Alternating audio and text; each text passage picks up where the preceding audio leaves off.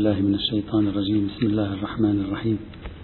الحمد لله رب العالمين وصلى الله على سيدنا ونبينا وحبيبنا محمد وعلى آله الطيبين الطاهرين.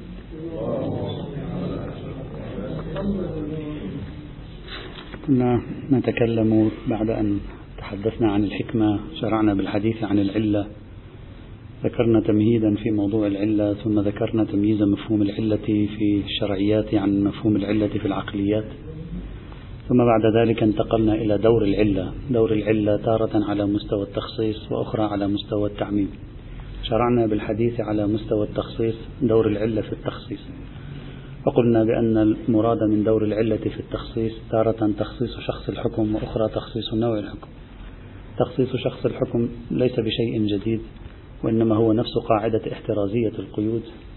وبالتالي قلنا بأنه يصح الالتزام بأن العلة تخصص شخص الحكم ولا ضير في ذلك. وليس بشيء مهم يعني أو استثنائي يعني. ثم انتقلنا إلى تخصيص العلة أو القضية التعليلية لنوع الحكم وهذا ما يساوي مفهوم التعليل أو مفهوم الجملة التعليلية. كل كلامنا كان في مفهوم الجملة التعليلية في قدرة التعليل على أن يضيق دائرة الحكم على أن يضيق دائرة نوع الحكم في الخطاب بحيث إذا قلنا حرمت الخمر لإسكارها يصبح الحرام هو الخمر المسكر. فلو صنع شيء يسمى بالخمر عرفا لكنه ليس بمسكر لا يكون حراما. هكذا معنى أنه لا يكون حراما يعني يثبت عدم حرمته بالتعليل. يثبت عدم حرمته بالتعليل لا معنى لا يكون حرام. ذكرنا نظرية السيد الزنجاني فيما يتعلق بمفهوم الجملة التعليلية لأن نظريته تقريبا هي من يعني أشمل أكثر البحوث سعة تقريبا في تناول هذا الموضوع آه، خصصناها بالذكر في البداية. واليوم سوف نتكلم عن آه، بقية المشهد المتصل بمفهوم التعليل. ذكرنا طبعا تعليقات على الإفادات التي قدمها السيد الزنجاني سواء في شخص الحكم في نوع الحكم. في التفاصيل التي قالها. طبعا نظريته الكاملة لم تنتهي بعد سوف يأتي تكملة لها في فيما سيأتي إن شاء الله تعالى في قادم الأيام. الآن بعيدا عن ما طرحه السيد الزنجاني وبالعودة إلى أصل الموضوع. إذا راجعنا الأعمال الفقهية للعلماء وراجعنا الأعمال الأصولية لهم سنجد مشهدين تقريبا مختلفين. يعني أو تشعر بأنهما مختلفين. ففي الكتابات الفقهية تشعر بتداول واسع نسبيا لمفهوم التعليل يعني يستخدمونه في استنباط أحكام شرعية. فيقول مثلا الحكم هو كذا وكذا لمفهوم التعليل في الجملة. الحكم هو كذا وكذا لمفهوم التعليل في الرواية. وهذا تجده في عشرات الموارد في الأعمال الفقهية خاصة خلال الثلاثمائة سنة الأخيرة. إذا تتبعت خلال الثلاثمائة سنة الأخيرة في أعمال علماء الفقه أتكلم الآن عن الإمامية ستجد استخدام مفهوم التعليل في التطبيقات الفقهية واسعا نسبيا عندما أقول واسعا نسبيا يعني. مفهوم التعليل. خاصة شخصيات مثل صاحب الرياض تجد عنده كثير موارد يستخدم فيها مفهوم التعليل. في التطبيق الفقهي. من 300 سنة إلى اليوم استخدام مفهوم التعليل أقصد بكلمة مفهوم هنا المفهوم في باب المفاهيم لا مفهوم التعليل مفهوم في باب المفاهيم استخدام مفهوم التعليل في الأعمال الفقهية واسع الحق يقال. وبعضهم وهو يستخدم هذا المفهوم يصرح برأيه الكلي يقول نحن نقبل بالعمل بمفهوم التعليل يعني يوافق عليه في الأعمال الفقهية. مثلا الشيخ الوحيد البابهاني يوافق على مفهوم التعليل. صاحب الرياض يوافق على مفهوم التعليل. يعني ما, ما عندهم مشكلة معه. في حين فريق آخر في الأعمال الفقهية لا يوافق على مفهوم التعليل. مثلا السيد محسن الحكيم واضح في أكثر من موضع من أبحاثه الفقهية لا يقبل بمفهوم التعليل. يعتبر مفهوم التعليل مثل مفهوم الوصف. ما, ما, ما يفيد شيئا. مثل إضافة وصف لا أكثر ولا أقل. كما رأينا مع السيد الزنجاني كما رأينا مع السيد الزنجاني في الدرسين الماضيين. سيد باقر الصدر في بعض في أحد المواضع لا يقبل بمفهوم التعليل. في موضع آخر كما سنرى يقبل بمفهوم التعليل بنحو السالبة الجزئية. مسلك السيد الخوئي في باب المفاهيم.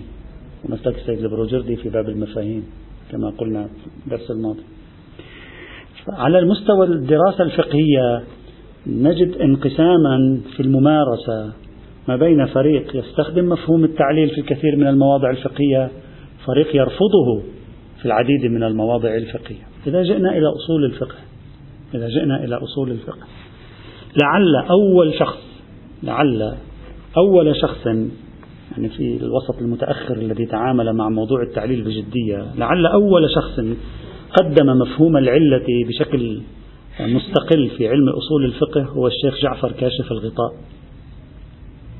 في الفترة المتأخرة يعني في القرون الأخيرة الذي أفرده بالبحث الأصولي هو الشيخ جعفر كاشف الغطاء في كتابه كشف الغطاء وذلك في مقدمات كتاب كشف الغطاء في مقدمات كتاب كشف الغطاء توجد بحوث أصولية أيضا.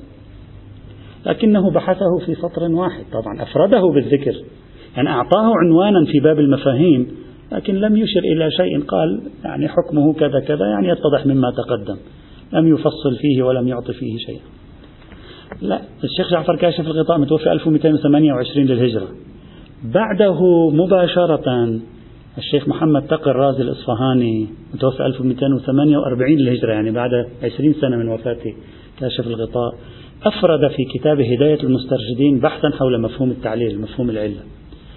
صاحب هداية المسترشدين إخواني الأعزاء في باب المفاهيم ذكر تقريبا عشرين مفهوم. كل هذه نحن الآن لا نبحث فيها. يعني أستفاض في ذكر أنواع من المفاهيم. ذكرت هنا وهناك هو عاد واستحضرها وقبل بعضها وناقش بعضها الآخر. في هذا البحث أعطى أهمية لمفهوم التعليل المحقق الإصفهاني صاحب هداية المسترشدين وتوسع به نسبيا لأول مرة نجد هذا التوسع بحسب تتبعي في الدراسات الأصولية بهذا المقدار من التوسع إماميا نجده قبل 200 سنة تقريبا مع الأصفهاني الرازي رحمه الله تعالى. وبعد ذلك تجد حضورا أيضا متفاوتا تارة يبحثونه في كتب الأصول أخرى أصلا لا يبحثونه في كتب الأصول. اليوم كما يعرف أغلب الإخوة أو جميع الإخوة يعني نحن لا ندرس في كتب الأصول مفهوم التعليل. في باب المفاهيم نحن لا ندرس لا في الكفاية درسناه لا في الحلقات درسناه ولا في غيرها من الكتب يدرس هذا المفهوم. طيب. إذا حللنا لكي نفهم التنازع على ماذا تنازعوا في قضية مفهوم التعليل بشكل دقيق لنضع إصبعنا على المكان الأكثر حساسية حتى إذا أعطينا موقفا في هذا المكان الأكثر حساسية تنحل القضية بالنسبة إلينا. إذا رأينا مركز التنازع فيما بينهم نجدهم يتنازعون على شيئين أساسيين تقريبا. يعني نكتة التنازع في باب مفهوم التعليل ترجع إلى شيئين أو في باب التخصيص بالعلة ترجع إلى شيئين. الشيء الأول قالوا التعليل لا يمكنه أن يفيد الانحصار. التعليل لا يمكنه أن يفيد الانحصار. هذا كثير قالوا لا يدل التعليل على الانحصار. إذا واحد قال لك أكرم زيدا لأنه عالم لا يعني أن وجوب إكرام زيد فقط لأنه عالم. التعليل لا يفيد الانحصار.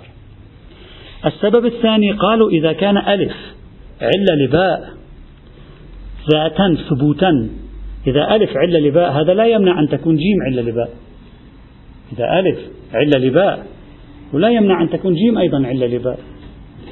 كون جيم علة لباء لا ينافي أن ألف علة لباء وألف أيضا علة لباء. وجيم أيضا علة فأقصى شيء يعطيني إياه الجملة التعليلية القضية التعليلية ما هو؟ أن ألف علة لباء. لكن هذا لا ينفي أن يكون لباء عللا أخرى. ما ينفي. فمن أين تريدونني أن أفهم نفي العلل الأخرى؟ إذا نفيت العلل الأخرى أنفي الحكم في ألف.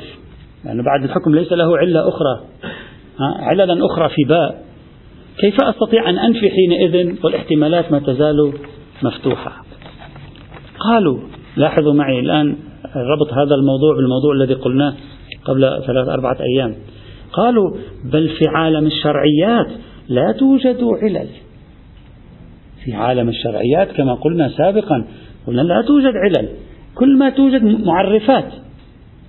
كل ما يوجد معرفات. يعني الإسكار يعرفني أن هناك حرمة في الخمر فقط. هلا إذا كان أحد المعرفات عدم معنى ذلك لا توجد حرمة في الخمر. لا يعني أنه لا توجد. يعني إذا كنت أنا أعرف بأن زيد سارق من خلال إقراره ومن خلال البينة ومن خلال مثلا تحقيقات الشرطة القضائية مثلا. إذا فرضنا أن أحد الأسباب التي توصلني تعرفني بجرمه انعدمت لم يقر معنى ذلك أنه ليس بمجرم. انسداد باب المعرفة في أحد الطرق لا يعني أن الحكم انتفى أصلا. هذا يعني أنني أنا لا أستطيع أن أعرف الحكم. لا أن الحكم انتفى. العلة ليست سوى معبر لرؤيتي للحكم من خلالها. فإذا انتفت لم أعد أرى الحكم من خلالها. لأن الحكم ليس بموجود. بينما مفهوم العلية في باب الفلسفة. إذا انعدمت العلة لا يوجد المعلول. وهذا من تأثيرات البحث الذي قدمناه سابقا. قلنا ضروري جدا هو التمييز بمفهوم العلة بين العلة العقلية والعلة الشرعية. فإذا المشكلة أين كانت؟ في موضعين أساسيين. الموضع الأول لا يوجد ظهور في التعليل لا يحمل ظهورا يفيد الحصر والانحصار حتى يعطي دلالة على نفي الحكم في غير مورد العلة. ثانيا أن علية ألف لباء لا تمنع من علية جيم لباء خاصة وأن هذه العلل علل شرعية والعلل الشرعية ليست سوى معرفات فانعدام معرف يعني لا ترى الحكم لا أنه لا يوجد حكم. هذه إذا أنت راجعت مجمل كلماتهم في هذا الموضوع تجده يدور حول هاتين المشكلتين وبإمكانك أن تسميها ثلاث مشاكل. مشكلة الظهور ظهور التعليل في الانحصار مشكلة إمكان تعدد العلة مشكلة أن العلل معرفات والمعرفات لا تفضي إلى انعدام المعرف إذا لم يكن هناك معرف. يعني ثلاث مشاكل بإمكانك أن تحلل كل المعركة قائمة على هذه الثلاث مشاكل تقريبا. أقول قولي هذا مستبعدا الميرزا النائيني بعدين الميرزا النائيني عندنا كلام معه مختلف. بعدين سنعرض نظريته بالتفصيل. ما الفرق بين الإشكالية الأولى التي تنازعوا حولها؟ والإشكالية الثانية هي إشكالية تعدد العلة الفرق جوهري. في الإشكالية الأولى البحث لغوي ظهوري عرفي. هل العرف يفهم من الجملة التعليلية الحصر وبالتالي يتوصل إلى المفهوم أو لا؟ فالمعركة على المستوى الأول معركة لغوية استظهارية دلالية هرمنوطقية ما شئت فعبر. أما المعركة على المستوى الثاني لا ثبوتية. كون ألف علة لباء لا ينافي كون جيم علة لباء هذا أمر ثبوتي. سواء علية ألف لباء جاءت بشكل جملة تعليلية ألقاها المتكلم أو لا. أمر تحليلي. ليس إلا أمرا تحليليا. فإذا ثمة فرق في نوعية التنازع الواقع بينهم. تارة تجد نجد نمط التنازع إثباتيا وأخرى نجد نمط التنازع ثبوتيا. ضروري نحلل نوعية الخلاف القائم في هذه القضية حتى نفهم الموضوع بشكل دقيق. ومن هنا مثلا الشيخ مرتضى الأنصاري رحمة الله تعالى عليه في تعليقه على كلام للعلامة الحلي في بحث الفقه يعلق عليه مستخدما التنازع الأول. ماذا قال؟ قال يرد عليه منع الظهور في الانحصار في الوصف الظاهر في العلية. منع الظهور يعني المعركة معركة استظهارات لفظية وليست معركة ثبوتية طيب. نفس هذه العملية إذا حتى الآن لوين وصلنا وصلنا إلى أن آه، هناك في الفقه تارة نجد آه، تحمسا وحماسة للقبول بمفهوم, بمفهوم التعليل وأخرى نجد فتورا. في الأصول البحث لم يفرض إلا لم يفرض إلا قليلا. أغلب المواد الموجودة بين أيدينا هي في الكتب الفقهية أقلها في الكتب الأصولية. نجي الآن إلى التنازع سواء في الفقه أم في الأصول. جوهر التنازع على ماذا؟ لماذا أنكروا مفهوم التعليل؟ إما إنكارا لغويا لا ظهور في الانحصار وإما إنكارا ثبوتيا يرجع إلى أن تعدد العلة أمر معقول آه، ولا يمكن نفيه. نفس هذه العملية وجدناها عند السيد محمد باقر الصدر في بحوثه الفقهية. لأن السيد الصدر لم يتعرض للموضوع في بحوثه الأصولية بالشكل الذي تعرض له في البحوث الفقهية في شرح العروة. سيد باقر الصدر له موضعان في نفس شرح العروة. في موضع يظهر منه إنكار المفهوم للجملة التعليلية. في موضع آخر قبول المفهوم للجملة التعليلية بنحو السالبة الجزئية لا بنحو السالبة الكلية. يعني على مسلك المفهوم في الجملة لا المفهوم بالجملة. في طبعا وقبله كان واضح أيضا سيد محسن الحكيم في هذا كما قلت. مثلا في موضع السيد الصدر ماذا يقول؟ فلنلاحظ طريقة نقدهم لفكرة مفهوم التعليل لأنه يهمنا لماذا هم كان عندهم حساسية من مفهوم التعليل. قال مقتضى التعليل إلغاء خصوصية المورد وإسراء الحكم المعلل إلى سائر موارد العلة. ما معنى هذا الكلام؟ يعني السيد الصدر يقبل التعميم بالعلة. نحن الآن لا نبحث عن التعميم بالعلة يقبل بالتعميم بالعلة. وليس مقتضاه حصر الحكم المعلل بالعلة بحيث ينتفي بانتفائها. ما معنى هذا الكلام؟ يعني يقبل التعميم بالعلة يرفض التخصيص بالعلة. يعني لا يقبل بمفهوم التعليل لكنه يقبل بتعميم التعليل. يعني إذا رأينا مسكرا غير خمري حرمت الخمر لإسكارها يفيد تحريمه. لكن إذا رأينا خمرة غير مسكرة حرمت الخمر لإسكارها لا تفيد تحليله. هلا هو الواحد بالتدقيقات بلاقي التدقيقات لكن لما يجي الآن هسه أترك هذا أترك هذا الأصول وهذا تجي عفوية. تجدها صعبة أن تهضم التمييز بين التعميم والتخصيص. قال المدار هو الإسكار معناها القضية لماذا قبلت في التعميم لم تقبل في التخصيص؟ يشرح الآن يبين لنا الآن. يقول فإذا قلنا أكرم زيدا لأنه عالم دل التعليل على إسراء الحكم بوجوب الإكرام إلى سائر العلماء. إذا يقبل بالتعميم ولكن لا يدل التعليل على أن ملاك وجوب الإكرام منحصر بالعلم. بحيث لا يجب إكرام غير العالم ولو كان عادلا أو كبير السن مثلا. إلى أن يقول والتحقيق أن التعليل وإن كان ليس له مفهوم بحيث يتمسك بإطلاقه لنفي الحكم عند انتفاء العلة المنصوصة مطلقا ولكنه يدل على مدخلية العلة في مورد وجودها ومؤثريتها في الحكم بلا إشكال. ماذا يريد أن يقول سيد باقر الصدر في الموضع الأول؟ يريد أن يقول لا تعميم عفوا نأخذ بالتعميم لكن لا تخصيص. نأخذ بالتعميم لكن لا. ما الفائدة من ذكر العلة؟ أولا بيان أنها مؤثرة في الحكم في مورد المنصوص. ثانيا الاستفادة منها في المورد غير المنصوص. لا, لا لم تذكر العلة لكي تقول لي لا حكم في المورد المنصوص عند عدم وجود العلة. لكنه في مورد آخر تابع أمثال السيد الخوي في مفهوم الوصف وقال بإمكان الأخذ بالتعليل بنحو السالبة آه، الجزئية. ولا حاجة إلى الإطالة.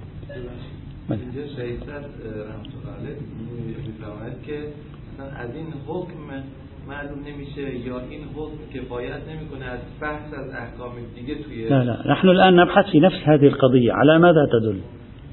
إذا قال أكرم فلانا أكرم زيدا لأنه عالم. على ماذا ماذا تعطيني؟ هو يدعي أنه تعطيني وجوب إكرام كل عالم ولو لم يكن زيدا لو كان عمرا. لكن لا تعطيني أن أن أكري أنه يسقط وجوب إكرام زيد إذا زالت عنه صفة العلم. لا, لا تعطيني ممكن يكون زيد يجب إكرامه حتى لو بمعيار آخر ولو صفة يعني نفس الجملة لا تعطي. فلو دل دليل خارجي على وجوب إكرام زيد بملاك عدالته لا يناقض وجوب إكرام زيد بملاك علمه. هذا الذي يريد أن يقوله.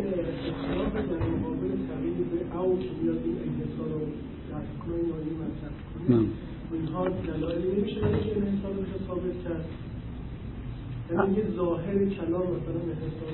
الآن عندما نأتي إلى المحاولات الآن ما زلنا نحن نعرض التوجه الذي ينفي مفهوم التعليل.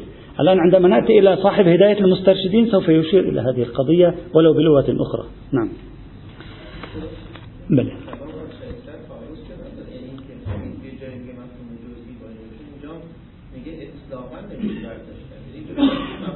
لا لا لا يقول إطلاقا.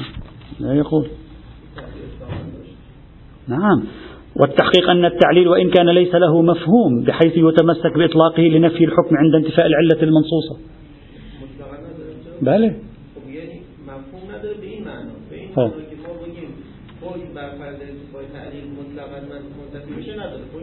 لا بأس ممكن وسيلة للجمع بينهما. السيد مصطفى الخميني يذهب أكثر من ذلك. السيد مصطفى الخميني يقول بأن مفهوم الشرط ومفهوم الوصف أصلا يرجعان إلى مفهوم التعليل.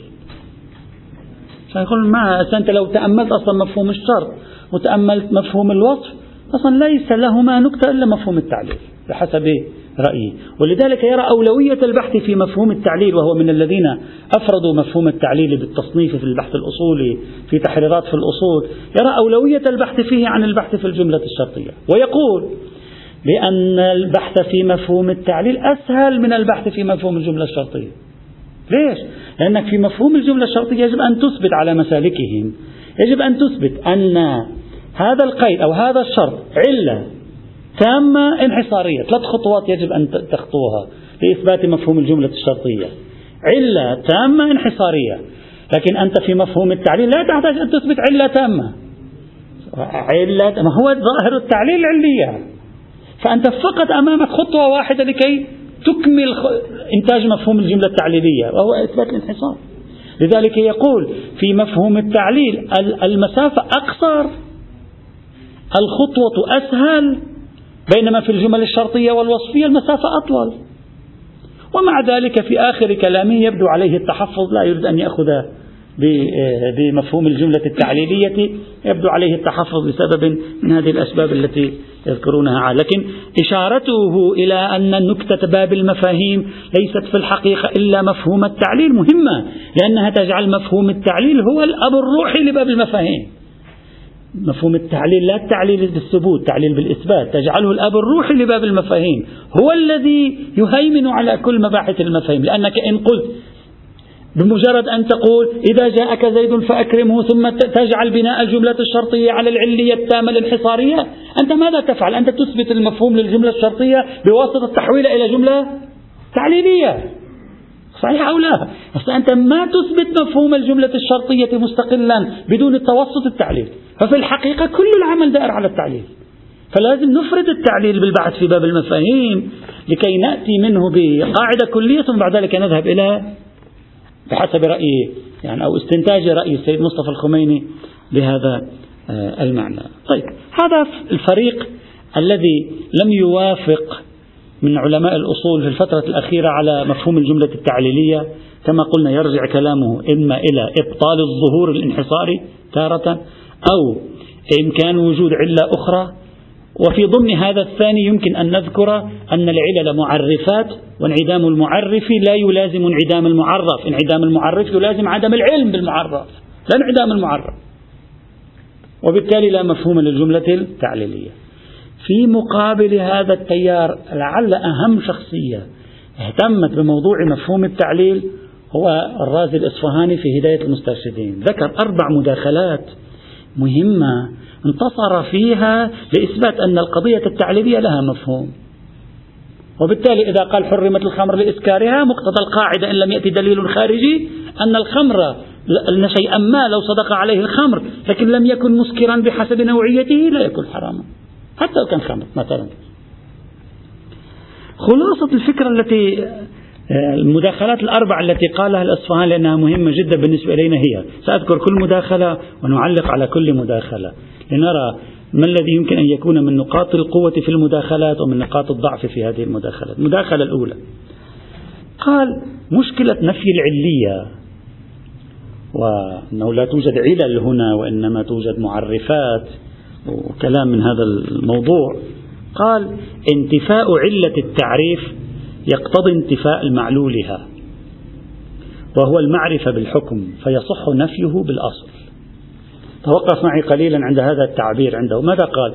قال أنا إذا عندي حرمت الخمر لإسكارها وأنت تقول الإسكار ليس علة لتحريم الخمر. ألغينا باب العلل العقلية جينا للعلل الشرعية معرفات. الآن بعد أن أصبحت هذه المادة المسماة بالخمر ليست مسكرة.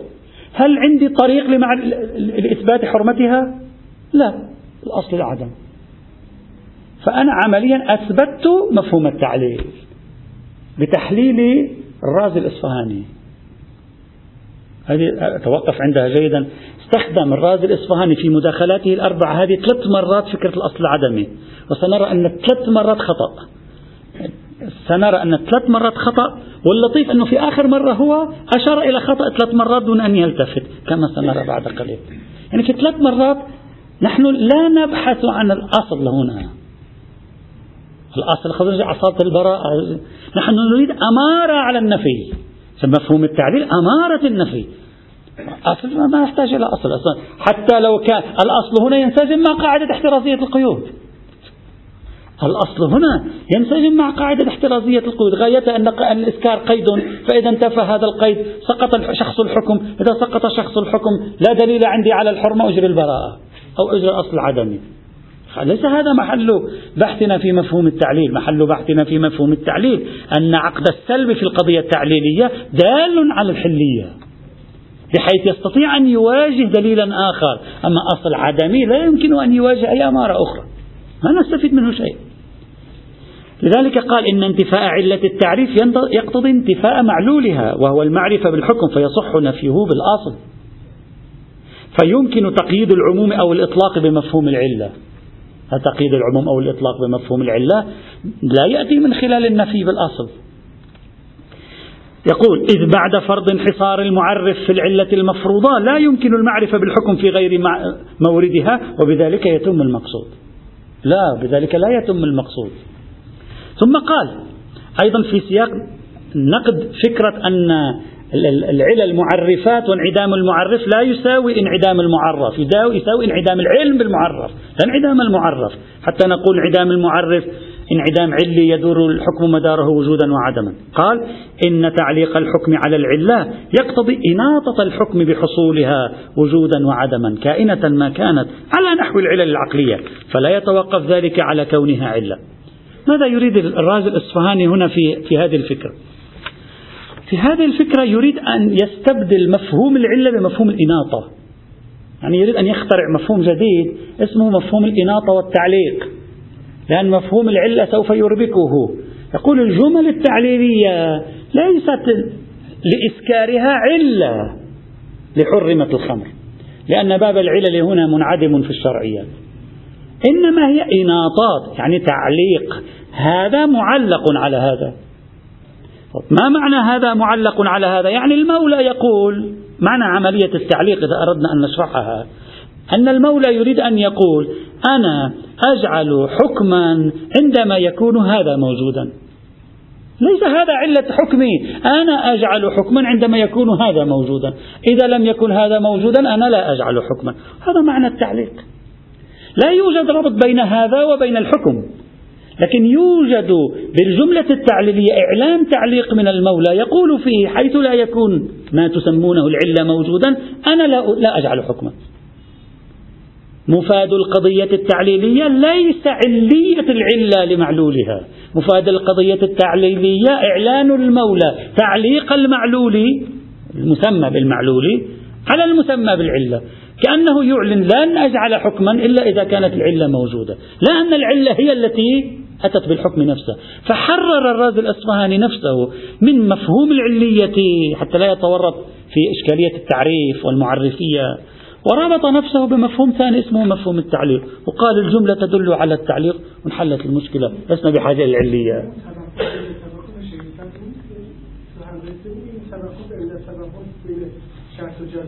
نعم. نعم نعم نعم وهذا نفس الكلام الذي إذا تذكرون في العام الماضي قلناه نقلا عن الفخر الرازي والغزالي عندما قالوا بأننا المولى نعرف عادته أنه سيجعل حكما هنا عند جعل هذا القيد هنا. عندما يكون القيد هنا نعرف أن من عادته أن يجعل حكما هنا.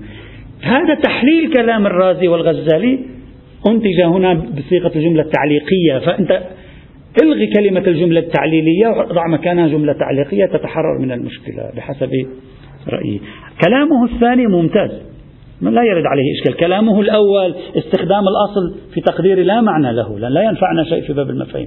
أما كلامه الثاني نحن أصلا ألغينا فكرة التعليل وأتينا بفكرة التعليق وظاهر الجملة إذا تم ظاهر الجملة إفادة التعليق التام. ومعنى التعليق هنا ليس أي ارتباط بين العلة والمعلول وإنما ثمة ارتباط اعتباري المولى يقوم به بين وجود هذه وجعله هو حكما على تلك. لا أكثر ولا أقل وهذا لا إشكال فيه. فالإشكالية الأولى التي طرحوها يمكن الجواب عنها بجوابه الثاني دون جوابه الأول. هذه المداخلة الأولى. المداخلة الثانية. تعدد العلة مشكلة تعدد العلة. قال في تعدد العلة عندي عدة نقاط. يعني عدة آه، مداخلات حتى في داخل هذه. المداخلة الأولى داخل هذه يعني بدنا نشطرها إلى أربعة. المداخلة الأولى قال إن المعلول بعد انتفاء علته المذكورة إما أن يستند إلى علة أخرى أو لا. فإن كان الأول لم يكن ما فرضناه علة. إذ العلة حينئذ أحد الأمرين. وإن كان الثاني لزم وجود المعلول بدون العلة. ماذا يريد الرازي الأصفهاني من هذا الجواب الذي يطرحه؟ إذ أن يقول أنتم تدعون أن ألف إذا كانت علة لباء لا يمنع ذلك أن جيم علة لباء. قال إذا كانت جيم علة لباء لم تعد ألف علة لباء. لماذا لم تعد ألف علة لباء؟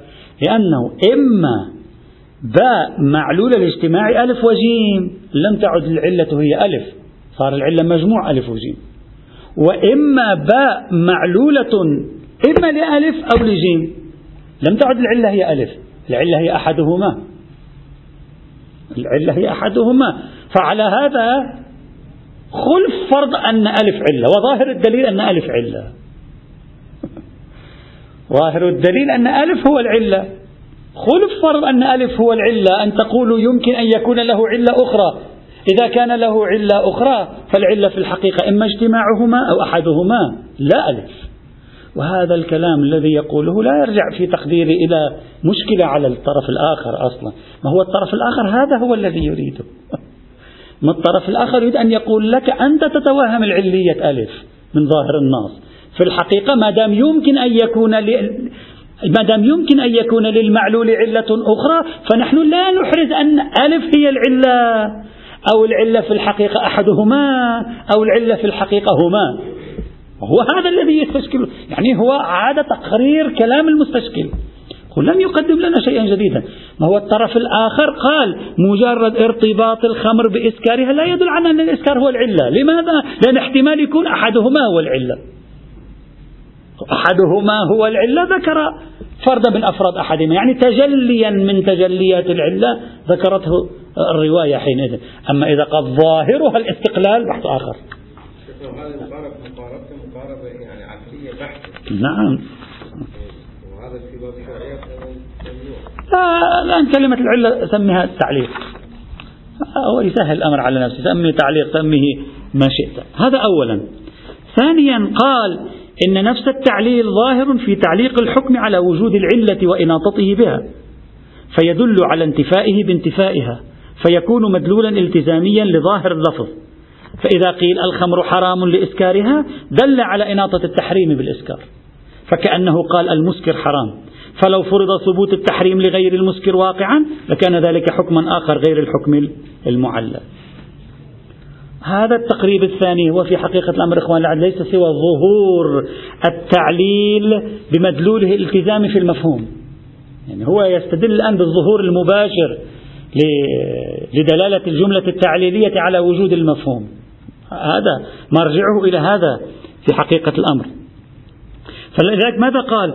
قال فلو فرض ثبوت التحريم لغير المسكر واقعا لكان ذلك حكما آخر غير الحكم المعلل فمع الشك فيه يتعين الرجوع إلى الأصل. يعني هنا الرازي قال أنا هذا الحكم أنيط بهذا بحسب الظاهر. مدلوله الالتزام الإناطة فعند انعدام هذا لا يوجد هذا. فإذا شككت في وجود حكم آخر غير هذا الحكم المعلل أنفيه بالأصل وهذا هو نفس الخطأ الذي ارتكبه الرازي في المرحلة الأولى عندما استعان بفكرة الأصل العدمي لنفي الحكم في مورد انعدام العلة. الاستعانة بفكرة الأصل العدمي لا تنفعنا شيئا هنا كما قلنا. وهذا واضح. المداخلة ثالثا وأخيرا في في كلامه قال الأصل انتفاء العلة الأخرى. يعني مباشرة ذهب إلى الأصل. يعني أنا عندي ثبوت لعلية الإسكار لحرمة الخمر والأصل عدم وجود علة أخرى. خلاص مباشرة أنا أذهب إلى الأصل. فأنفي العلة الأخرى وبالتالي لا معنى لأن تقول احتمال التعدد في العلة موجود. أنفيه بالأصل. أنفي التعدد بالأصل. هو الآن يشكل على نفسه. بهذا الإشكال الذي يأتي في الموردين السابقين. قال غير أنه لا يجدي. فيما إذا كان هناك عموم أو إطلاق يقضي بثبوت الحكم في غير مورد العلة. فهو هذا الذي نريده. الرازي الإصفهاني يقول لا يمكن استخدام الأصل لأن الأصل هنا مورود لوجود دليل من إطلاق أو عموم. وإذا كان الأصل مورود لوجود دليل من إطلاق أو عموم معنى ذلك لا يوجد مفهوم للجملة. لأن لو كان يوجد مفهوم للجملة لا يكون مورودا يكون معارضا له. إذا محصل أكثر من مداخلة للرازي الإصفهاني في موضوع بحثنا إما ترجع إلى الاستناد إلى فكرة الأصل أو ترجع إلى إعادة تقرير كلامهم. والنقطة الجوهرية الوحيدة التي يفيدها الرازي في الموضوع هو أن العرف يفهم من التعليل الانحصاري. يعني هي هذه النقطة المركزية الوحيدة المدعاة أن الوجدان العرفي لما تقول له أكرم زيدا لأنه عالم يفهم أن ملاك وإكرام زيد هو علمه. ملاك آخر لا لا يوجد ملاك آخر. لا إذا إذا دليل على ملاك آخر نخصص النفي هنا بدليل جديد لا أكثر ولا أقل. وبناء عليه خلاصة ما أريد أن أذكره اليوم هو أننا نجد في البحث الأصولي انقساما في الرأي إزاء مفهوم القضية التعليلية بين وجوهر الانقسام يقوم تارة على جهة إثباتية عدم ظهور التعليل عند العرف في الانحصار. وأخرى على جهة ثبوتية إمكان وجود علة أخرى خاصة وأن العلل معرفات. هذه الجهة الثانية تبين لنا من خلال طبيعة المداخلات تبين لنا أنها ليست مهمة بالنسبة إلينا. هذا كله كلام افتراضي ممكن يكون في علة ثانية. هذا كله كلام افتراضي. جوهر الكلام الذي ينبغي أن نركز عليه هو أن العرف ماذا يفهم من القضية التعليلية؟ هل يفهم نفي وجود علة أخرى؟ أو لا يفهم نفي وجود علة أخرى وهذا ما يحوجنا إلى مرجعيتين قلناهما في ختام كلامنا مع السيد الزنجاني. المرجعية الأولى الرجوع واستقراء استخدامات العرف للتعليلات هل هي مبنية على إفادة العلة التامة الانحصارية أو لا؟ ثانيا الرجوع بالاستقراء إلى ألسنة الشرع هل هي مبنية عند إفادة التعليلات على العلة التامة الانحصارية أو لا؟ ما أريد أن أصل إليه أن تلك التحليلات الثبوتية والفلسفية الموجودة في المقام لا تنفعنا في شيء كلها مدخولة. والمهم في الموضوع هو البحث الإثباتي. ما الذي يفهم من كلمة حرمت الخمر لإسكارها؟ هل يفهم عدم تحريم الخمر إذا لم تكن مسكرة أو يفهم السكوت عن تحريم الخمر أو عدمه إذا لم تكن مسكرة هو نخشى نحن عندما نذكر كلماتهم ونطول فيها يومين ثلاثة أربعة ذاك الوجدان العفوي العرفي اللي كان موجود عندنا قبل خمسة أيام نفقده. ها؟ نفقده. كان لازم نسأل أنفسنا هذا السؤال قبل ما نبدأ. ما الذي يستوحيه الإنسان؟ هذا الذي يجب علينا أن نبحثه. وبحثه ليس عقليا كما سنرى. بحثه منبهات وجدانية. ينبغي أن تكون منبهات وجدانية تلهمنا أن طبيعة الإنسان لما يعلل عادة يريد أن يرهن الحكم بالعلة وإن كان قابل هذا الرهن للتخصيص مثل أي عموم مثل أي إطلاق ما مشكلة يقبل التخصيص. لكن قانونا القضية التعليلية ما الذي يريد أن يفيد بها؟ هل يريد أن يفيد بها التخصيص؟ أو كما قال السيد باقر الصدر فقط يريد أن يفيد بها التعميم. هذا طبيعة التنازع الموجود بينهم وقد تبين أن الحق أن نبحث في القضية إثباتا ونبتعد عن كل تلك التحليلات الثبوتية. بقي بعض الشيء يأتي إن شاء الله تعالى. الحمد لله رب العالمين.